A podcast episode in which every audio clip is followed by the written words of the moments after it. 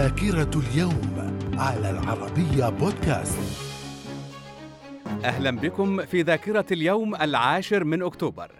في عام 1870 صدور إعلان ضم روما للمملكة الإيطالية.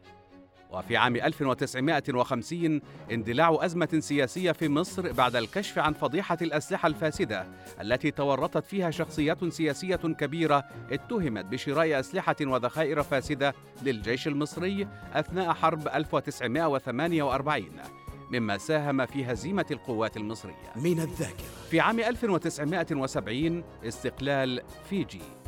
في عام 1987 فيجي تتحول إلى جمهورية.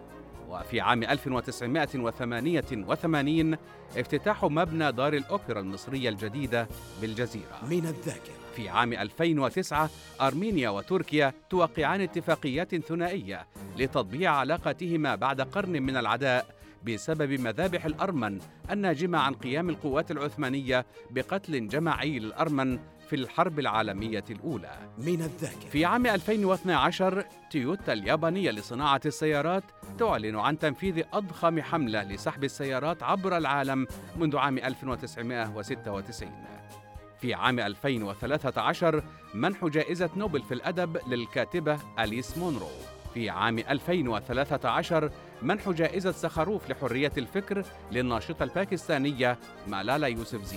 في عام 2015 تفجيران بالعاصمة التركية أنقرة قرب محطة قطارات يخلفان 97 قتيلا على الأقل وأكثر من 400 جريح. من الذاكرة. من مواليد اليوم العاشر من أكتوبر في عام 1894 الشيخ سلمان بن حمد الخليفة حاكم البحرين.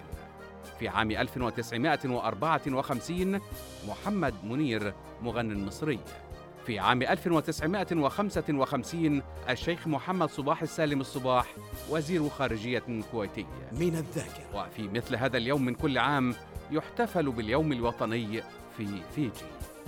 إلى اللقاء.